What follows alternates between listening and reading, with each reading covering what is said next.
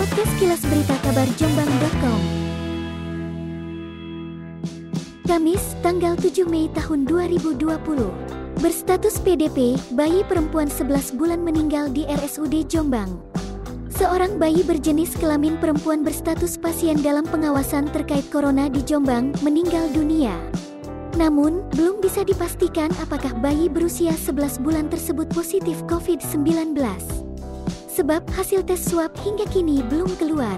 Direktur RSUD Jombang, Dr. Puji Umbaran membenarkan adanya bayi berstatus PDP COVID-19 yang meninggal dunia. Dr. Puji menjelaskan, bayi tersebut dirujuk ke RSUD Jombang pada Sabtu tanggal 2 Mei tahun 2020. Sebelumnya, pasien bayi tersebut dirawat di RSUD Ploso. Namun karena kondisinya memburuk akhirnya dirujuk ke RSUD Jombang. Berdasarkan pemeriksaan laboratorium saat masuk RSUD Jombang, lantunya, bayi tersebut mengalami gejala infeksi paru-paru atau pneumonia. Tim medis kemudian merawat bayi tersebut di ruang isolasi anak. Bayi asal kecamatan Ploso tersebut juga ditetapkan sebagai PDP. Menurut Puji, kemungkinan bayi tersebut tertular dari ayahnya.